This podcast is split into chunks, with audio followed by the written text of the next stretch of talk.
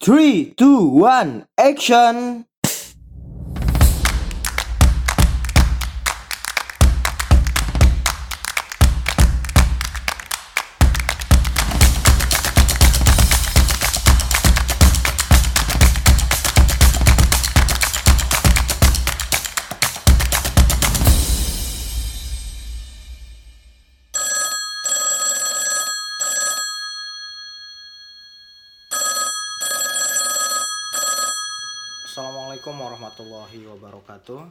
Sejahtera bagi kita semua.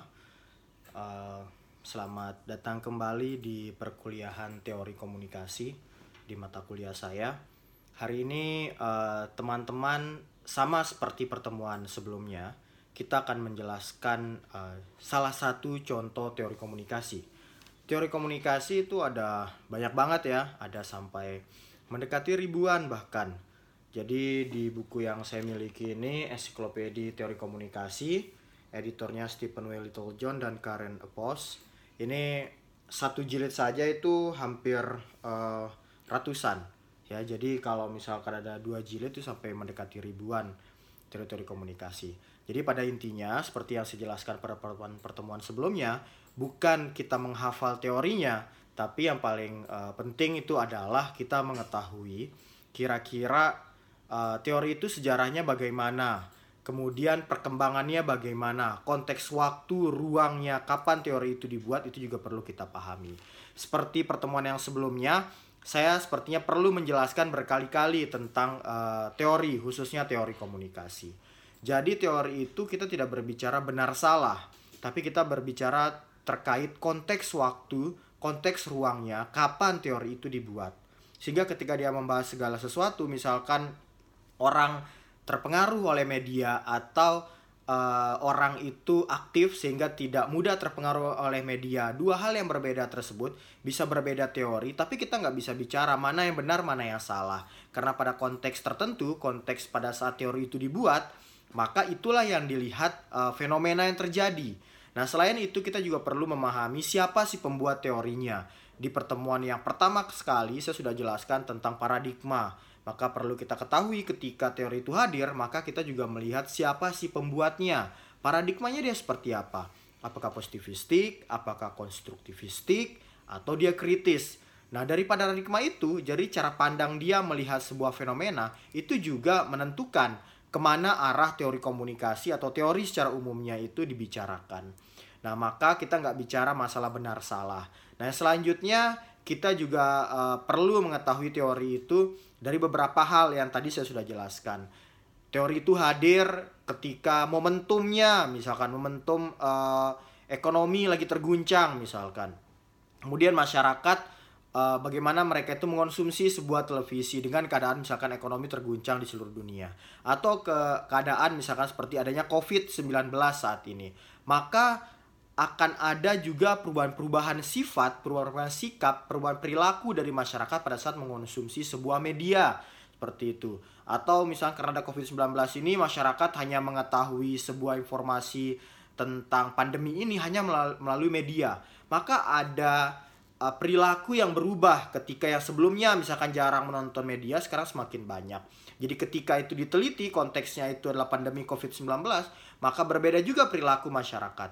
Jadi ketika nanti konteksnya entah 5, 10, 20 tahun lagi atau berapa puluh tahun lagi nanti ke depannya, ketika kita membicarakan konteks ini, maka konteks teori yang dibicarakan adalah konteks pada saat dibuatnya teori itu. Maka sekali lagi saya sampaikan bahwa dalam teori tidak berbicara benar salah, tapi teori itu menjelaskan terkait momentum waktunya, momentum ruangnya, kapan itu dibuat, siapa yang buat, paradigma si yang buat. Itu akhirnya apa ya style dari teori itu pesan-pesan dari teori itu dan isinya itu ada kecenderungan ke mana. Apakah cenderungannya kritis apakah cenderungannya itu positivistik apakah kecenderungan melihat masyarakat itu pasif apakah melihat media itu aktif dan lain-lain.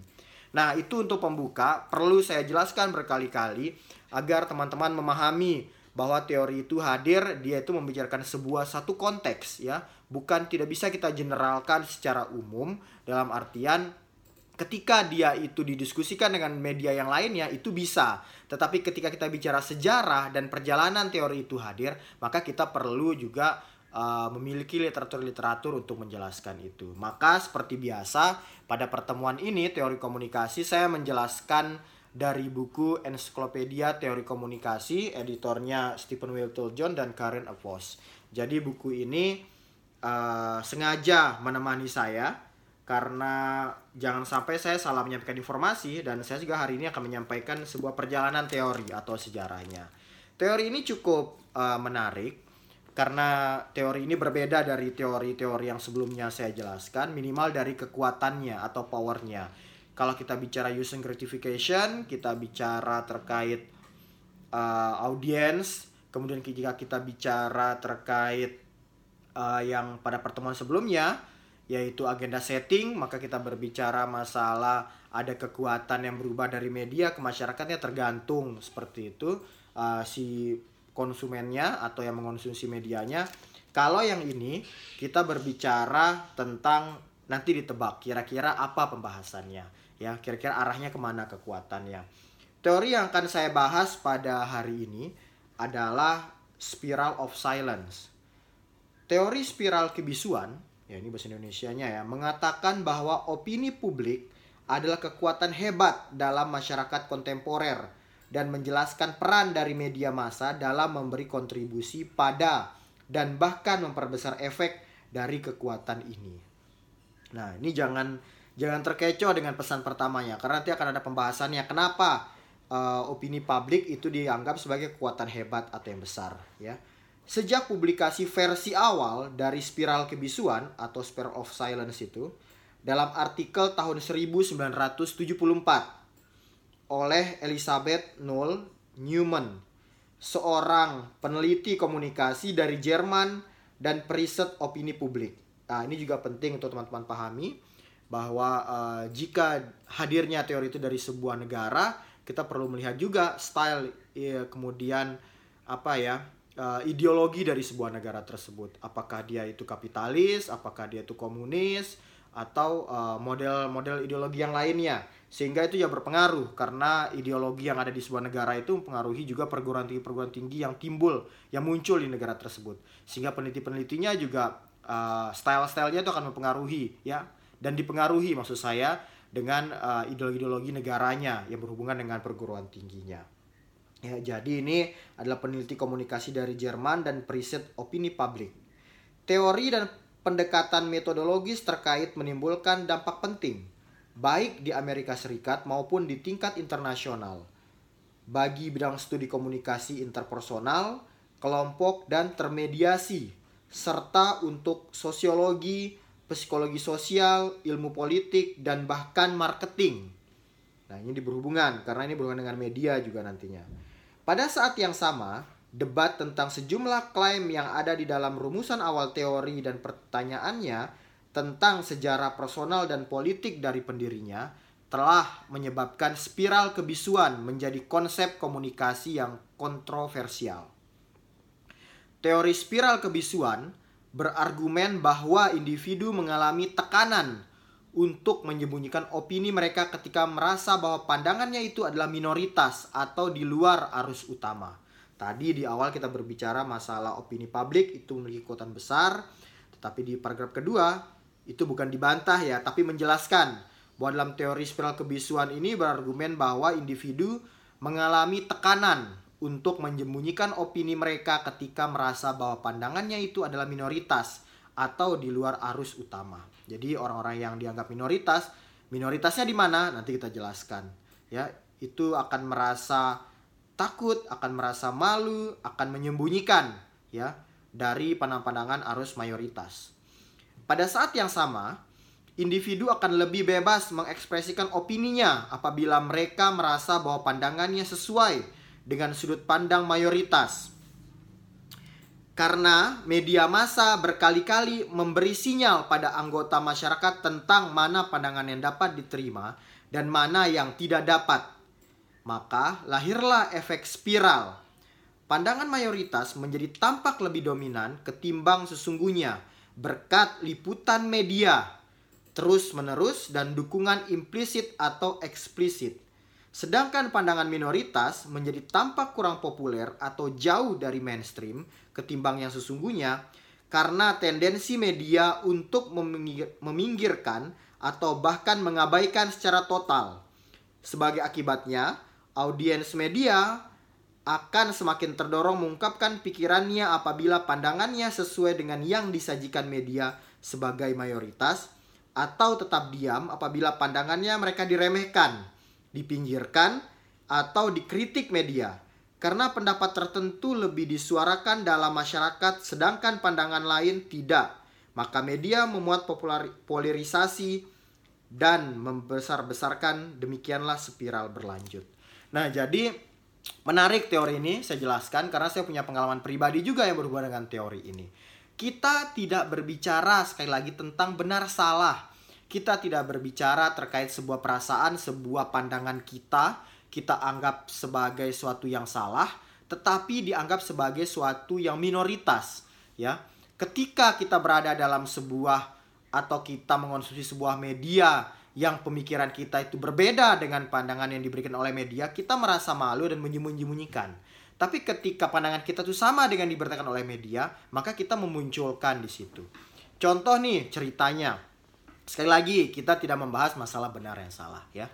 Pada tahun 2014 ya, kalau tidak salah, itu pada saat saya S2, waktu itu dari kontrakan saya ya, dari tempat tinggal saya itu sampai ke kampus saya. Waktu itu saya tempat tinggalnya itu di Maguharjo, itu utaranya di Yogyakarta, kemudian harus ke kampus di UGM itu kurang lebih 15 sampai 20 menit. Saya waktu itu menggunakan kendaraan, pakai mobil dari rum, uh, dari rumah tempat tinggal saya ke UGM. Nah, itu saya kurang lebih melewati dua lampu merah. Hmm. Waktu itu 2014 itu pemilihan presiden. Kalau tidak salah itu uh, pemilihan presiden ya 2014 itu. Dan berita yang dimuat karena waktu itu satu ada koran-koran atau media-media besar yang ada di Jogja. Ada namanya Kedaulatan Rakyat. Ada kalau Kompas nasional ya. Kemudian ada Jawa Pos, itu juga nasional. Itu. Nah, Jawa Pos itu Radar Jogja, ya Radar Jogja waktu itu. Uh, di grup-grup dari Jawa Pos. Nah, pertama KR, pemilik KR itu itu sudah menjadi rahasia umum adalah Pak Idam Samawi. Beliau uh, pada saat itu atau mungkin sampai saat ini 2020 masih ya kalau tidak salah wakil uh, wakil ketua PDIP secara nasional. Nah, kemudian waktu itu Jawa Pos miliknya Dahlan Iskan, waktu itu mereka condongnya ke Jokowi juga. Kemudian ada uh, Kompas yang waktu itu beritanya juga ini tidak tidak langsung apa ya tidak langsung serta merta terlihat gitu ya. Tapi kebanyakan condong beritanya itu ke Jokowi saat itu. Saya sebagai uh, mayoritas di NTB saat itu pemilihnya Prabowo saya agak aneh gitu. Ketika pada saat saya menggunakan kendaraan terus berhenti gitu ya ada koran-koran diberikan itu berita Jokowi besar full itu di layarnya. Kemudian berita Prabowo kecil gitu. Sudah itu berita Prabowo kecil tapi dijelek-jelekan kayak gitu. Misalkan oh, Prabowo ada pelanggaran HAM dan lain-lain itu berita yang yang selalu dimuat untuk menjatuhkan Prabowo. Kemudian Jokowi prestasinya dimunculkan semuanya. Nah, sebagai masyarakat NTB yang mayoritas pemilih Prabowo, waktu itu saya agak kurang nyaman gitu. Terutama pada saat saya di UGM itu hampir mayoritas 90% lah bisa dimintakan walaupun saya nggak survei gitu ya kurang lebih. Kenapa saya bilang seperti itu? Karena di ruang-ruang kantin di kelas itu selalu membicarakan Jokowi dan mendukung Jokowi semuanya. Sedangkan waktu itu sedikit sekali dan menganggap aneh orang yang memilih Prabowo gitu. Saya nggak berbicara masalah Prabowo itu buruk atau Jokowi itu baik enggak tapi begitulah keadaan pada saat itu ada banyak dampak-dampaknya terutama uh, Jokowi kan lulusan dari UGM kehutanan UGM sehingga condong memilihnya itu terlihat sekali. Dan saya merasa kayak apa ya semacam kayak minoritas dan melihat aduh ini kok uh, aneh banget terlihat gitu canggung lah gitu. Saya nggak bicara masalah saya pilih Prabowo atau pilih Jokowi gitu. Kenapa saya mengatakan seperti ini? Karena uh, mayoritas orang-orang di NTB karena kalau nggak salah ini kalau nggak salah ya 70-an sampai mendekati 80% pemilih Prabowo tahun 2014 itu lah waktu pemilihan itu ya waktu pemilihan presiden jadi uh, saat itu hal yang berbeda ketika saya membuka Facebook ketika saya membuka Facebook itu semacam kayak saya melihat orang itu memuji Prabowo semua gitu kenapa karena rata-rata rekan-rekan saya teman-teman saya itu itu rata-rata orang NTB teman-teman di Facebook. Ketika waktu saya buka, bahasannya itu memuji Prabowo semua dan mengkritik-mengkritik Jokowi seperti itu. Jadi hal yang menarik saya lihat dua media media uh, konvensional lah disebut ya, ada koran, kemudian kita diskusi dan lain-lain. Itu banyak sekali pro Jokowi. Tapi ketika membuka media sosial yang teman saya kebanyakan orang NTB yang memilih Prabowo, sehingga di situ banyak sekali yang memuji-muji Prabowo. Ini menjadi suatu hal yang menarik buat saya semacam kayak dua dunia yang berbeda dan saya ada condong memilih siapa waktu itu tapi saya nggak perlu jelaskan memilih siapa pada saat saya berada di dalam dunia yang berbeda itu dunia nyata dan dunia media sosial ada satu sisi saya merasa untuk menyimpan diri saya untuk memilih uh, yang dibahas kayak gitu. Entah itu di media sosialnya atau di nyatanya. Kalau di media kemudian ada waktu saya ingin ingin memunculkan bahwa saya mendukung salah satu saya bahagia ketika berada di salah satu uh, dunia yang saya tuh lebih condong memilih siapa gitu, entah Prabowo atau Jokowi seperti itu. Jadi di sini uh, teori spiral of silence ini dibuktikan bahwa ketika mayoritas media membicarakan segala sesuatu dan menyudutkan salah satu berita, pada saat kita itu mendukung atau ideologi kita atau cara pandang kita sama seperti yang disudutkan itu, maka kita merasa seperti terkucilkan atau kita malu untuk mengungkapkan. Tapi ketika apa yang kita pilih, apa pandangan kita, apa ideologi kita itu sama dengan yang diberitakan yang selalu digembor-gemborkan oleh media. Maka kita dengan bangga untuk memunculkan, bahkan melakukan komentar, kemudian mengiyakan, kemudian menjadi semakin apa ya pede juga untuk mengatakan uh, informasi tersebut karena semacam kayak ada dukungan dari media. Nah di sini yang dimaksud dengan penjelasan yang di atas tadi saya sebutkan. Opini itu menjadi sesuatu yang sangat hebat dan kuat tetapi di paragraf kedua itu dijelaskan bahwa kekuatan itu itu didorong juga oleh uh, mayoritas yang diberitakan oleh media, ya. Masifnya berita itu dari media itu memberitakan seperti apa, sudut pandangnya ke mana, beratnya ke mana, sehingga itu yang mempengaruhi kita malu atau tidak menyembunyikan informasi yang kita setuju itu atau kita mengungkapkan ketika apa yang disampaikan oleh media itu secara masif sama dengan yang kita pikirkan. Oke, itu penjelasan rinci dan pengalaman saya terkait spiral of silence. Selanjutnya, komponen utama dari spiral kebisuan seperti yang dikemukakan pertama oleh Noel Newman dalam serangkaian artikel jurnal yang dipublikasikan di Jerman dan Amerika Serikat pada tahun 1970-an dan dikembangkan dalam bukunya pada tahun 1984 yang berjudul The Spiral The, The Spiral of Silence public opinion, our social skin. Antara lain takut isolasi, opini publik, dan organ kuasi statistik yang mengukur opini dan hasil dari spiral tersebut. Maka sub-sub tersebut akan saya jelaskan pada pertemuan kali ini. Yang pertama adalah takut isolasi. Berdasarkan riset psikologi tentang konfor konformitas, perilaku, dan norma sosial, teori spiral Kebisuan didasarkan pada klaim bahwa individu merasakan tekanan besar untuk menyesuaikan diri. Kita takut diisolasi dari masyarakat dan takut dikecam atau dikritik jika tidak sejalan dengan mayoritas dalam isu-isu spesifik yang sedang diperdebatkan. Diperdebatkan di mana? Tentunya di media. Dikeluarkan dari seluruh kelompok atau dalam kasus ekstrim Dikucilkan atau dipenjara merupakan salah satu ketakutan kita. Akibatnya kita akan berusaha mencegah terjadinya isolasi itu. Kalau konteksnya tadi yang saya ceritakan mungkin nggak sampai di penjara ya, tapi ketika itu konteksnya sampai uh, ideologi pemerintah disampaikan ke lewat media, kemudian kita bertentangan dengan ideologi tersebut, maka bisa jadi ini sampai penjara seperti itu. Yang lebih parah, contoh misalkan ideologi uh, komunis saat ini yang ada di uh, dunia. Jika kita bicarakan di Indonesia, itu menjadi suatu masalah, misalkan seperti itu, ya. Opini publik dan organ kuasi statistik di subbab selanjutnya. Teori spiral kebisuan berpendapat bahwa opini publik lebih dari sekedar refleksi kesepakatan masyarakat terhadap nilai, tujuan, dan norma. Opini publik adalah kekuatan yang membentuk sikap dan perilaku individu, menegakkan norma dan menjaga orang dalam satu barisan. Salah satu klaim paling mengejutkan dari teori spiral kebisuan yaitu bahwa orang punya kemampuan impresif untuk memahami atau mengetahui opini publik. Misalnya, tentang kandidat mana yang akan menang pemilu atau bagaimana pemahaman orang terhadap suatu isu, persis seperti yang saya contohkan tadi. Bahkan tanpa melakukan survei sendiri atau berkonsultasi dengan hasil jajak pendapat, Noel Newman mengisyaratkan bahwa kita manusia memiliki organ kuasi statistik Kemampuan yang mirip indera keenam yang memungkinkan kita tahu secara intuitif ke mana angin politik berhembus.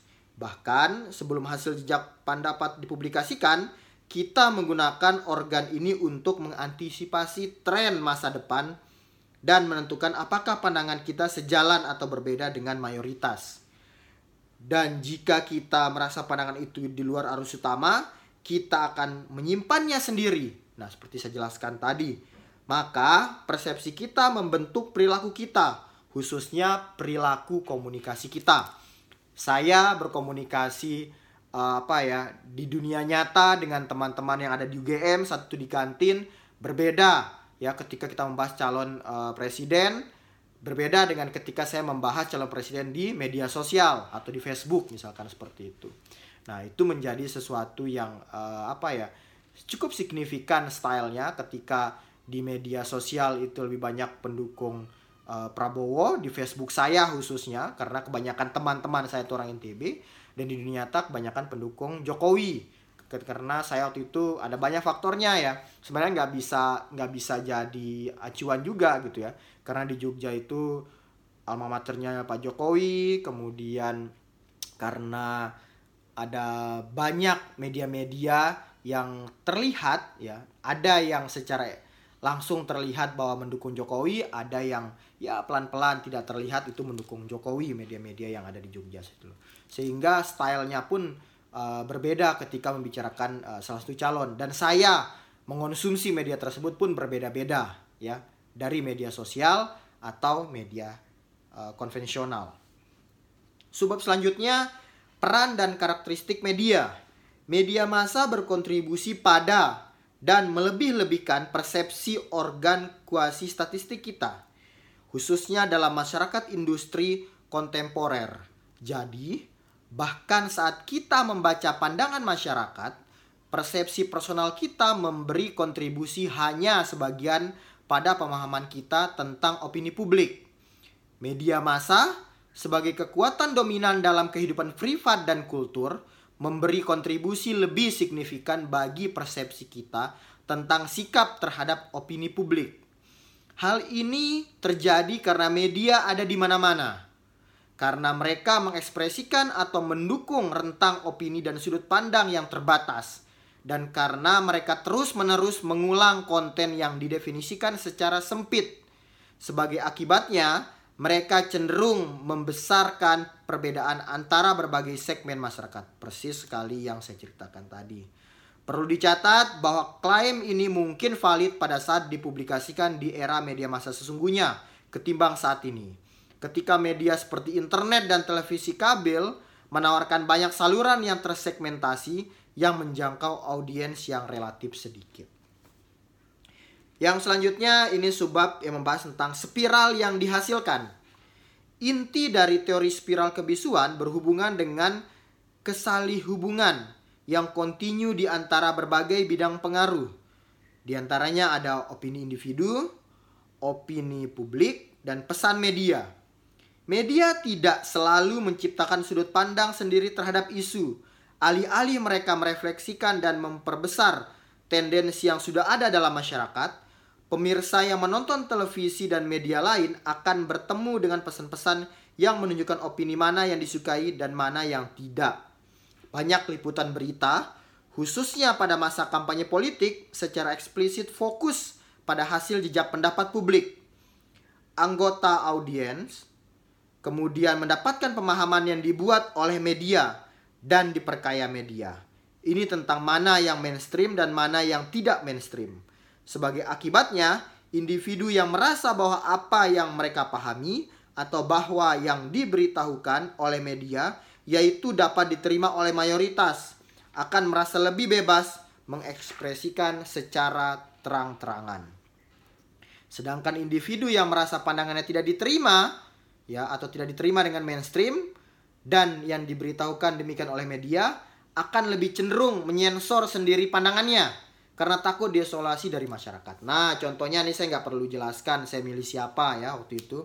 Tetapi di antara media sosial dan langsung saya bertatap muka langsung dengan masyarakat waktu itu uh, tetap tetap langsungnya dalam artian uh, kehidupan real gitu ya di Jogja waktu itu dengan teman-teman perkuliahan khususnya yang waktu itu banyak pro Jokowi dan di media sosial banyak media sosial saya Facebook terutama yang pro Prabowo ada di antara kedua media itu yang tidak saya pilih gitu ya ketika saya berbicara tentang salah satu calon saya merasa tidak familiar dengan isu-isunya si calon ini maka saya diam dan menyembunyikan atau di sini menyensor bahasanya ya sebagai akibat dari pola komunikasi individual ini media memperkuat proses menonjolkan pandangan mayoritas sembari mereduksi pandangan minoritas hingga ke level tidak lagi terlihat. Dan seterusnya, spiral ini terus bergulir sampai pandangan minoritas hilang dan media dan ekspresi individual dan pandangan mayoritas menjadi satu-satunya pandangan yang dianggap dapat diterima.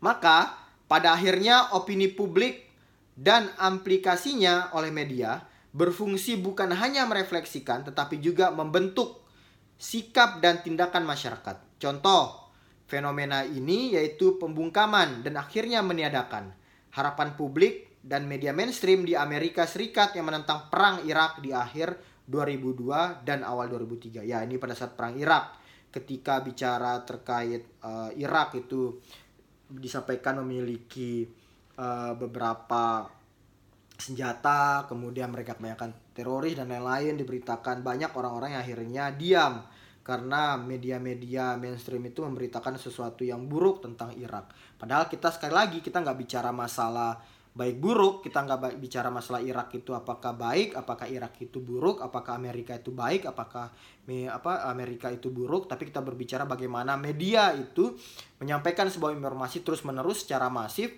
dan lebih condong ke salah satu negara sehingga kita mengonsumsi itu ketika kita menganggap Irak itu sesuatu yang menjadi korban kita itu merasa kebanyakan merasa takut dan menyensor keinginan tahuan kita untuk menyampaikan seperti itu. Tapi ada juga yang akhirnya itu uh, berbeda-beda ya. Ada orang juga yang dia secara frontal akhirnya membela. Walaupun pada akhirnya media itu memiliki kekuatan memiliki kuasa untuk uh, mengarahkan ke mana. Mana yang lebih dominan, mana yang lebih mayoritas, dan mana yang minoritas disampaikan oleh media. Dan subbab yang terakhir yaitu tantangan dan kontroversi. Meskipun semua teori komunikasi mengilhami peneliti lain untuk menentang klaim pencetusnya, teori spiral kebiasaan ini terkenal karena kontroversi yang ditimbulkannya. Sejumlah pandangan awal telah dibantah oleh pengujian empiris, misalnya Studi yang lebih baru menunjukkan bahwa faktor demografis individual seperti tingkat pendidikan, kelas sosioekonomi, jenis kelamin, dan usia akan mempengaruhi kemauan orang untuk menentang pandangannya yang dianggap mayoritas. Ini berbicara terkait uh, audiens itu aktif ya. Ini uh, ditentang. Yang berarti bahwa asumsi Noel Newman bahwa semua individu menyensor sendiri sampai tidak terbukti. Kritikus lain yang menunjukkan bahwa beberapa orang tidak akan pernah mau dibungkam terlepas dari faktor demografis. Untuk merespon klaim ini, Noel Newman merevisi argumen awalnya dan kini mengakui eksistensi nonkonformis, garis keras, dan anggota avant-garde seni intelektual yakni orang-orang yang secara konsisten menyuarakan opini minoritas dan karena itu menentang prediksi awal dari teori spiral kebisuan. Seperti yang saya jelaskan tadi itu, ada orang-orang yang misalkan membela Irak atau menganggap Irak itu sebagai korban dan dia menyuarakan terus-menerus seperti itu. Ini sebagai kritik dari teori uh, spiral kebisuan ini. Peneliti lainnya menelisik sejarah personal Noel Newman dan pengaruhnya pada pembentukan teorinya. Ini persis sekali saya jelaskan di awal. Pada saat kita melihat teori, kita perlu melihat juga paradigma dan sejarah si pembuat teori tersebut. Ya, meski Noel Newman kini lebih dikenal sebagai teoritasi komunikasi, teoritisasi komunikasi dan pendiri Institut for Demoskopi, salah satu organisasi riset opini publik paling berpengaruh di Jerman, tahun-tahun awalnya dipandang biasa saja sebagai wanita muda yang hidup di era Nazi Jerman pada tahun 1930-an dan 1940-an, Noel Newman mengamati contoh-contoh ekstrim dari sensor diri dalam praktik kehidupan sehari-hari. Kebanyakan warga Jerman yang menentang mainstream atau praktik dan filosofi Nazi misalnya termotivasi untuk tetap membisu karena konsekuensi mengemukakan pendapat akan lebih mengerikan ketimbang sosial, isolasi sosial. Nah ini yang saya maksud itu ternyata ada background uh, politik ya sosial politik yang membuat akhirnya teori itu hadir yang langsung apa ya dialami oleh si pembuat teori ini. Demikian pula sebagai seorang wartawan dan propagandis untuk partai Nazi, Noel Newman secara teratur mempublikasikan artikel yang mendukung kepentingan anggota masyarakat yang kuat ketimbang yang lemah menunjukkan bahwa tidak semua individu memiliki hak yang sama untuk berbicara. Ternyata ada background ini yang membuat akhirnya teori itu hadir ya. Sekali lagi karena paradigmanya yang membentuk dia, entah politik yang di sekitarnya, entah buku yang dia baca, entah lingkungannya, entah keluarga, entah semuanya akhirnya membentuk paradigmanya. Sehingga ketika itu teori dibuat, ada unsur-unsur paradigma atau pengalaman yang sebelumnya yang dialami sehingga membuat teori itu condong ke mana.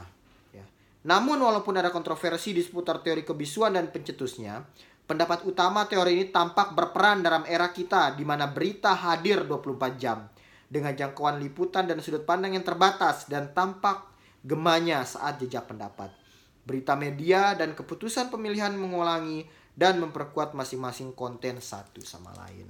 Nah, jadi itulah penjelasan tentang teori spiral of silence yang yang kita bisa mengambil kesimpulan bahwa kekuatannya itu uh, banyak berbicara terkait uh, media yang memiliki kekuatan.